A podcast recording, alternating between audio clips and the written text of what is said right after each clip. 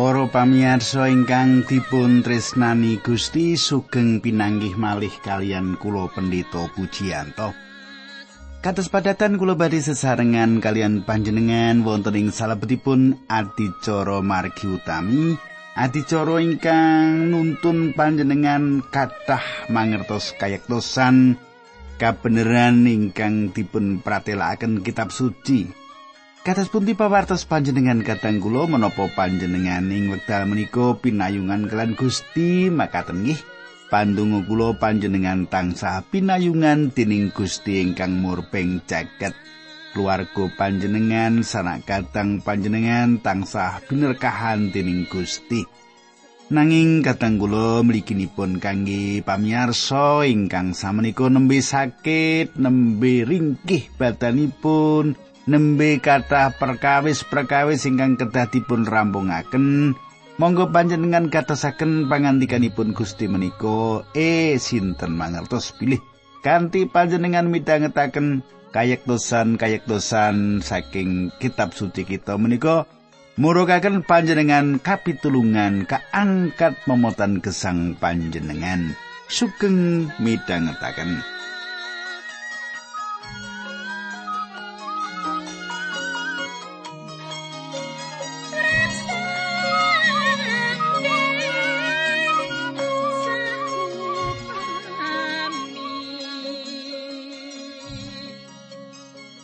Para pamirsa menapa panjenengan tasih kemutan menapa ingkang kula aturaken duk nalika pepanggihan kepengker? Wonten ing pepanggihan kepengker kadang kula kita sampun nyemak wiwitan utawi pambuka saking serat Rum. Lan samenika kita badhe lajengaken nanging saderengipun menika monggo kita ndedonga rupiyin Duh Kanjeng Rama ingkang angedaton wonten kraton ing kasuwargan kawula ngaturaken gunging panuwun. Menawi wekdal menika kawula saged tetunggilan kalian sederek-sederek kawula kawula saged sesarengan kalian sederek-sederek kawula kawula nyuwun supados ing pepanggihan menika berkah paduka kasoaken kanthi makaten kula pikantuk nampani kegiatan panglipuran ingkang saking Gusti Dinambaran asmanipun Gusti Yesus Kristus adicara menika kawula pasrahaken paduka. Amin.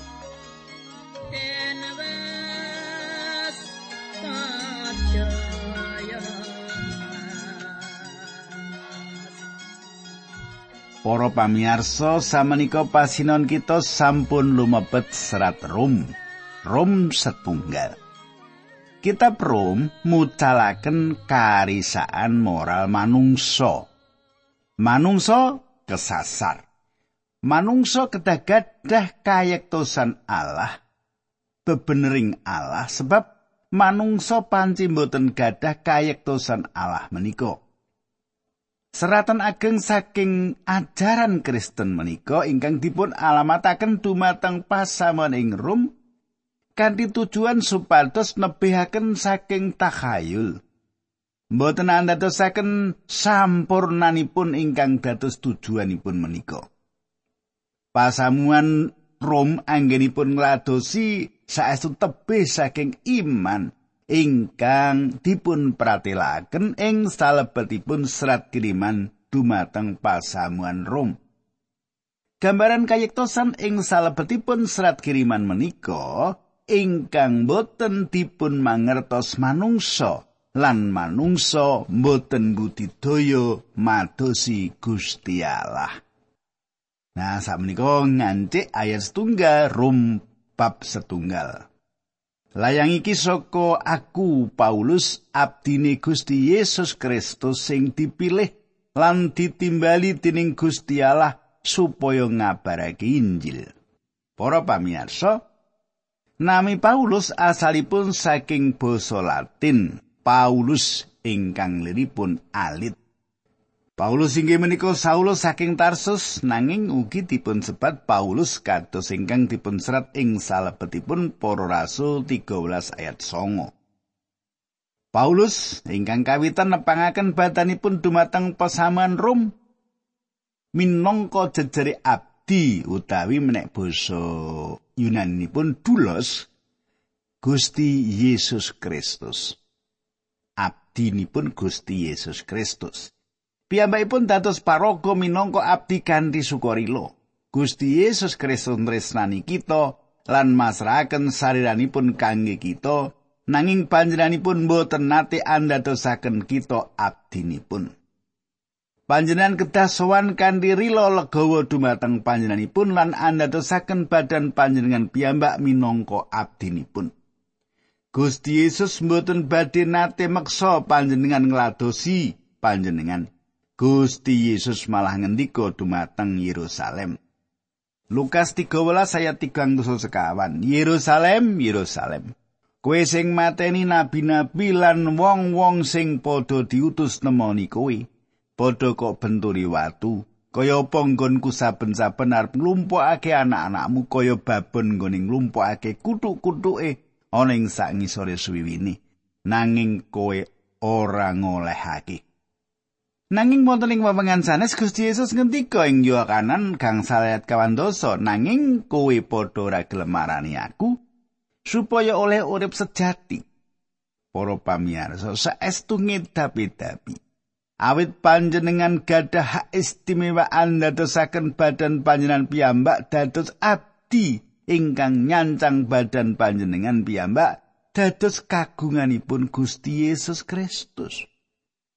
Panjenengan kedah nindakaken pelatusan menika piyambak panjenenganipun Gusti mboten nate meksa panjenengan terserah panjenengan purun menapa mboten para pamirsa Ing wekdal Paulus lumampah tumuju dhateng Damsik, Gusti Yesus ngendika dumateng Paulus.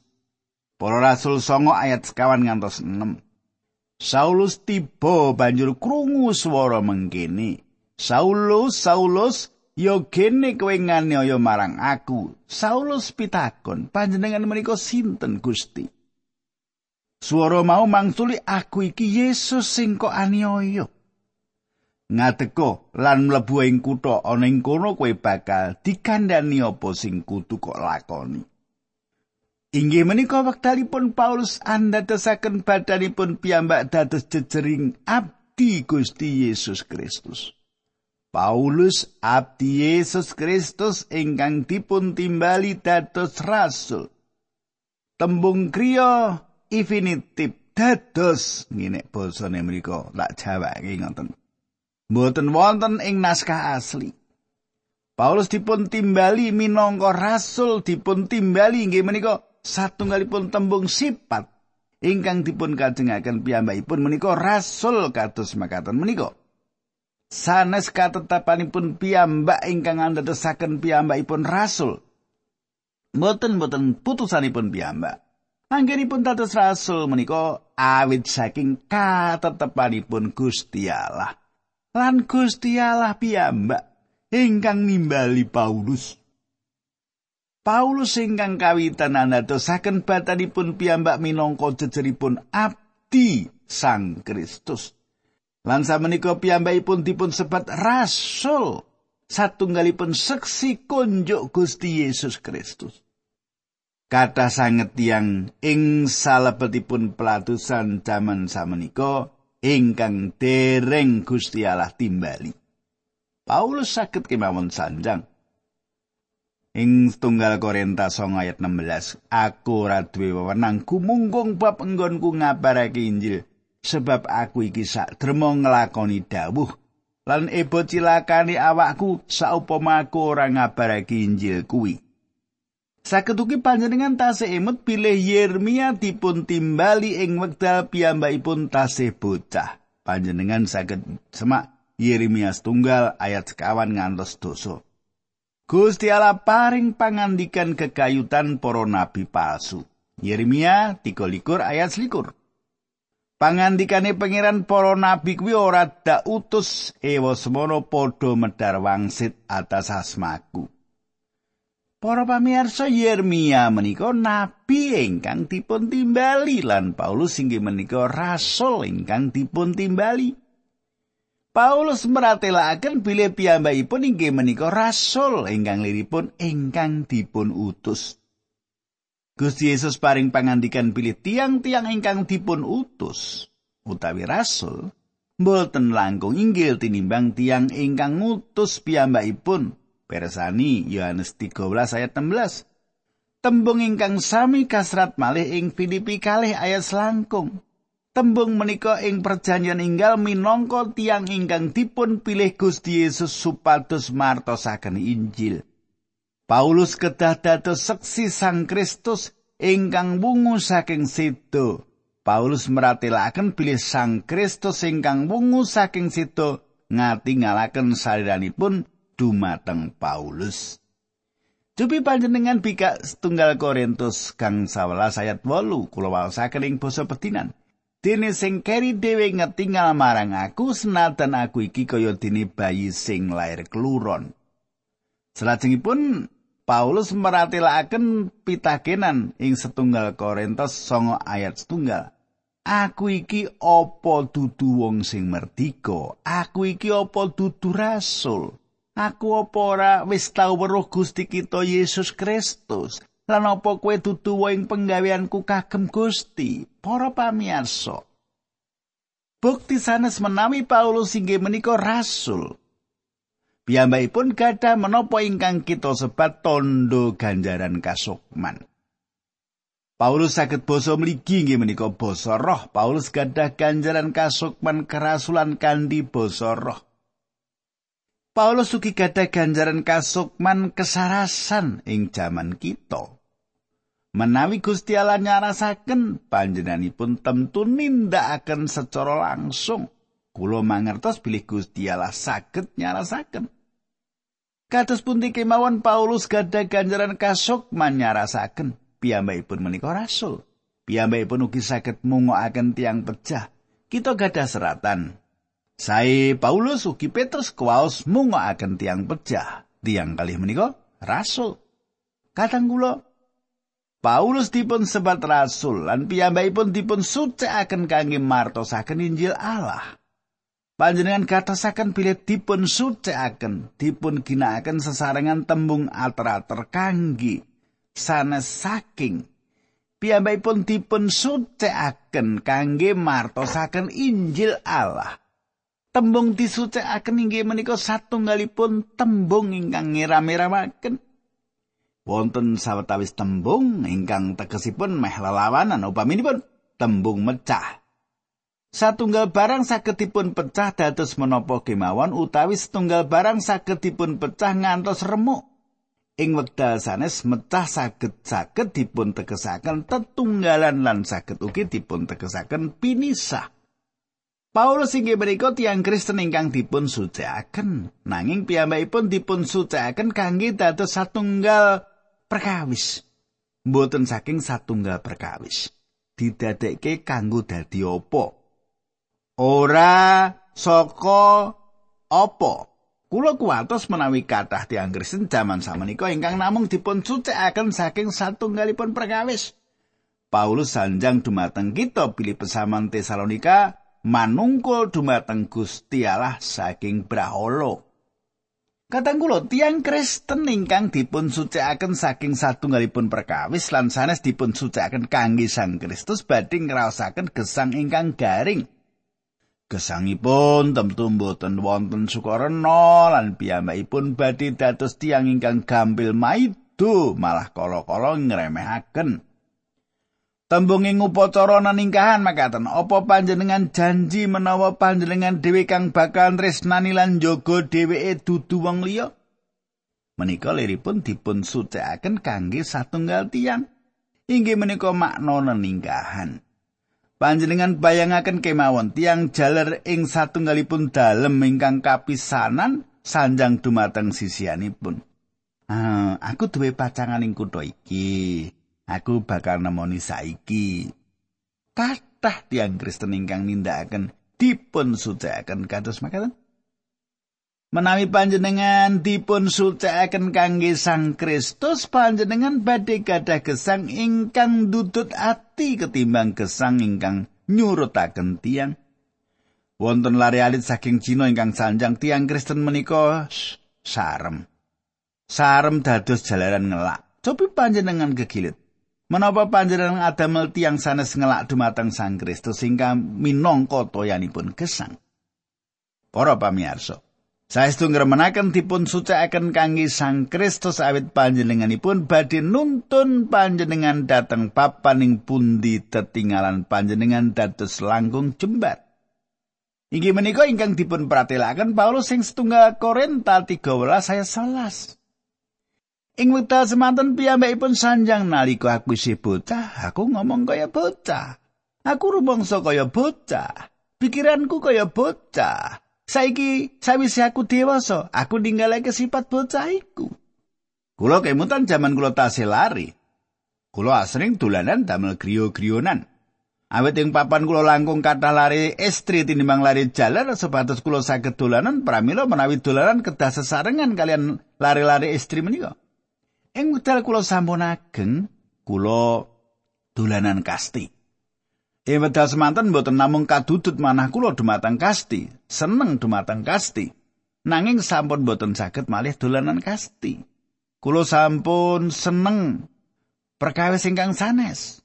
Tetinggalan kula sampun jembar lan ing wekdal panjenengan dipun sucikaken kangge Sang Kristus menika mboten ateges panjenengan dados alit lan pikiran-pikiranipun namung ciut cetek Koso wangsulipun gesang panjenengan kedah tambah jembar lan ngemot pengalaman-pengalaman ingkang murukaken ingkang boten kantenan, dedekan lan gumunaken. Para pamirsa samenika panjenengan gatosaken ing wekdal Paulus sanjang. Bilih piyambakipun dipun sucaken kangge Injil Allah. Kanthi tembung sanes, manungsa sanes ingkang nitahaken Injil. Manungsa sanes ingkang nitahaken Injil. Ing wekdal kula lan panjenengan wonten ing kahanan menika, Injil sampun wonten sadangunipun kirang langkung 1900 taun kepengker.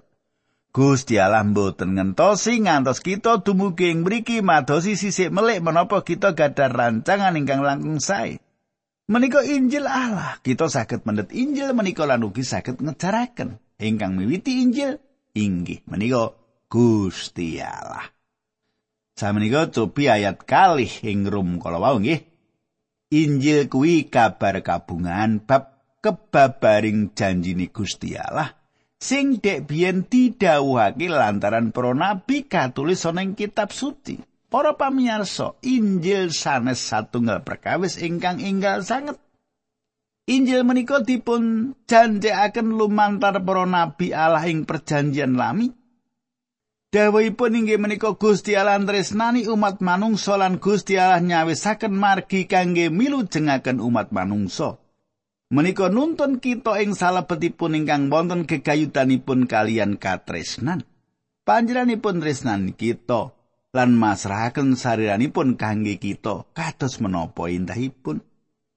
Ayat 3, ya kuwi bab Gusti Yesus Kristus putrane Allah manut tata kamanungsane Gusti Yesus turune Sang Prabu Daud. Para pamirsa, tembung bab inggih menika tembung ater-ater basa Yunani ingkang ugi dipun ginakaken ing salebetipun tropong ingkang dipun jangkepi kalian kaca lan lensa ugi garis mubeng-mubeng liripun ingkang ngubengi. Injil sawetahipun ngandut bab Yesus Kristus. Inggih menika ingkang sampun dipun tindakaken panjenenganipun. Injil gegayutan kalian putranipun ingkang manut daging dipun lairaken saking turunipun Daud.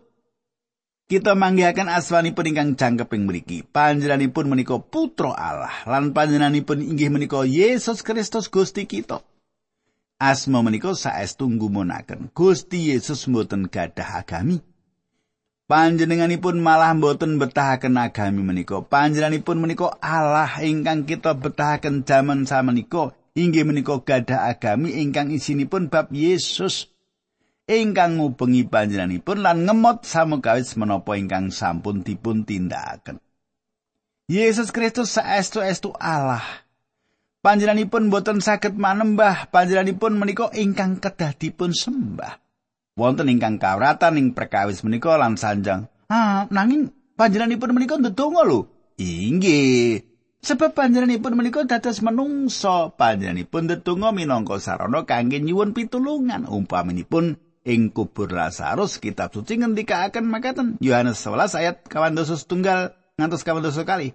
Watu sing nutupi kubur mau nuli padha disingkirake, Gusti Yesus banjur temengo ing langit lan ndedonga.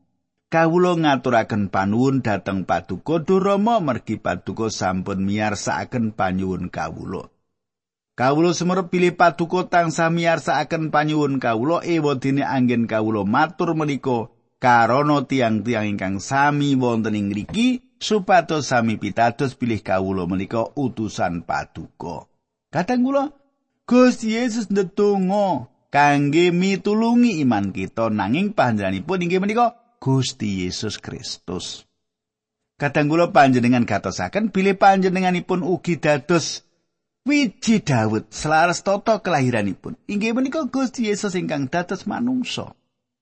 Panjenenganipun dipun lairaken suci sebab panjenenganipun dipun wartakaken dipun sebar minangka putra Allah ingkang maha kuwaos. Kita lajengaken ayat sekawan rum setunggal nanging sejatine panjenengan kuwi putrane Gusti Allah kang Maha Kuwasa ketitik saka nggone diwungokake saka ing situ. Para pamirsa panjenengan katosaken wungunipun boten andadosaken panjenenganipun dados putra Allah. Wungunipun winates meratelaken sinten panjenenganipun sayektosipun. Tembung dipun pratelaken ngandut makna dipun cethakaken. Gusti Yesus dipun pratelaken. Panjenenganipun dipun jembaraken, panjenenganipun minangka putra Allah. Menika negasaken dumateng kita pilih Gusti Yesus menika manungsa ingkang sempurna lan minangka Gusti Allah ingkang sempurna. Salah setunggal pengaken iman kino ing salebetipun gereja meratelaken pilih panjenenganipun manungsanipun manungsa lan pilih panjenenganipun menika Gusti Allahipun Gusti Allah. Lan Paulus sampun meratelaken malah saderengipun pengaken iman menika dipun serat. Ingkang dipun kajengaken makaten, Gusti Yesus Kristus sanes malih manungsa awit panjenenganipun menika Allah. Lan panjenenganipun sanes Allah setengah awit panjenenganipun menika manungsa. Panjenenganipun menika Allah. Panjenenganipun menika manungsa, panjenenganipun dipun pratelaken minangka putra Allah manut roh kasucen. Menika liripun roh manungsa Yesus nanging kula pribadi pitados pilih menika ngarah dumateng Sang Roh Suci kula pitados Trinitas kakandhut ing mriki. Kadang kula cobi panjenengan gatosaken. Bilih Yesus dipun pratelakaken minangka putra Allah, manut Sang Roh Suci. Wungunipun mbuktekaken samukawis. Wungunipun menika meratelaken panjenenganipun menika putra Allah. Menawi panjenengan maos kitab suci sawetahipun, panjenengan badhe manggihaken bilih Gusti Yesus Kristus dipun tepangaken ing salebetipun panguwaos wungunipun. Gusti Yesus kapratela lan dados manungsa wonten ing jagat dipun anggap asor lan ditampik dening manungsa. Panjenenganipun malah ngraosaken karingkian ing wekdal panjenenganipun lenggah ngaso ing pinggir sumur lan ing wekdal panjenenganipun sare ing tengah angin ribut ing segoro. Lan panjenenganipun ing tundhonipun katuntun ing kahanan ingkang mirang-mirangaken lan sedo ing kajeng salib. Sinaosa panjenenganipun menika manungsa ingkang kebak kasangsaran lan memitran kalian kasisahan ing mangsanipun panjenenganipun dipun wungokaken saking sedo. Dinten-dinten ingkang dipun lampahi panjenenganipun ing margi ingkang kebak lebu ing Israel samenika sampun kampung kasih. Panjenenganipun sampun wangsul saking sedo kanthi panguwas ingkang saestu ageng. Wungunipun mbuktekaken kelahiranipun ingkang suci. Panjenenganipun inggih menika putra Allah ingkang gadah pangwaos. Kadang kula wonten kayektosan ageng maling mriki kita mangertos bilih Sang Kristus dipun wungakaken lenggah ing sisih kanan Gusti Allah ing kasuwargan. Dados pantoro samenika kangge tiyang pitados lan maringi kegiatan lan panglipuran. Wonten manungsa ingkang lenggah ing kaluhuran, nanging gereja mboten saged ningali panjenenganipun. Kita perlu mulihaken kesadaran kita kekayutan panjenenganipun. Menapa dinten menika panjenengan gadah kekayutan pribadi kalian Sang Kristus ingkang gesang.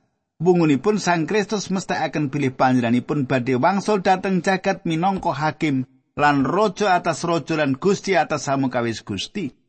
Panjenenganipun badhe mbucal sedaya dosa lan panjenenganipun badhe mrintah ing salebetipun kayektosaning bumi. Panjenenganipun badhe ngadili umat manungsa kados ingkang dipun tindakaken Paulus atas tiang-tiang ingkang pinter muter tembung para filsuf Athena ingkang pinter salebetipun perkawis-perkawis kadunyan. Cobi panjenengan semak. Para rasul pitulas ayat 29 ngantos 33.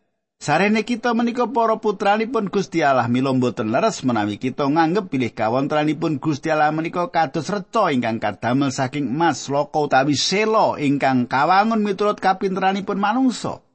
Tanpa ngengeti jaman jahiliyah Gusti Allah samenika martosaken dhateng manungsa pilih sedaya manungsa kedah sami mertobat saking lampahipun ingkang awon. Sebab Gusti Allah sampun netepaken dinten anggenipun badhe ngadili jagat pengadilan wau badhe katindakaken dening tiang ingkang sampun kapiji dening Gusti Allah. Minangka buktinipun Gusti Allah sampun nangekaken tiang wau saking antawisipun tiang pecah. Kadang kula menika satunggalipun kasunyatan ingkang perlu dados kawigatosan sebab Gusti Yesus Kristus wangsul saking sedo lan panjenengan kedah jumeneng ing ngarsanipun ing satunggalipun dinten mangke. Kadang kula menapa panjenengan badhe jumeneng ing ngarsanipun minangka tiang ingkang pitados Bilih panjenenganipun menika juru wilujeng panjenengan utawi panjenengan jumeneng ing ngarsanipun kangge dipun adili? Menawi panjenengan dereng nampi panjenenganipun minangka juru wilujeng paukumanipun Gusti Allah tentu badhe nempuh panjenengan. Panjenengan boten saged jumeneng ing ngarsanipun kani kayektosan panjenengan piyambak. Panjenengan badhe dipun patrapi paukuman langgeng menawi panjenengan boten pitados dumateng panjenenganipun minangka juru wilujeng panjenengan. Wungunipun panjenenganipun menika dados jaminan kita badhe pinanggih hadepan kalian Gusti Yesus. Nah kadang kula monggo kita tumungkul kita lajengaken ayat-ayat salajengipun ing pepanggihan ingkang badhe dumugi menika awit saking menika ampun ngantos panjenengan nilaraken kula. Monggo kita tumungkul kita ndedonga. Kanjeng Rama kawula ngaturaken gunging panuwun menawi wekdal menika kawula saged midhangetaken sabda kayektosan paduka. Dinambaran asmanipun Gusti Yesus kawula ndedonga. Amin.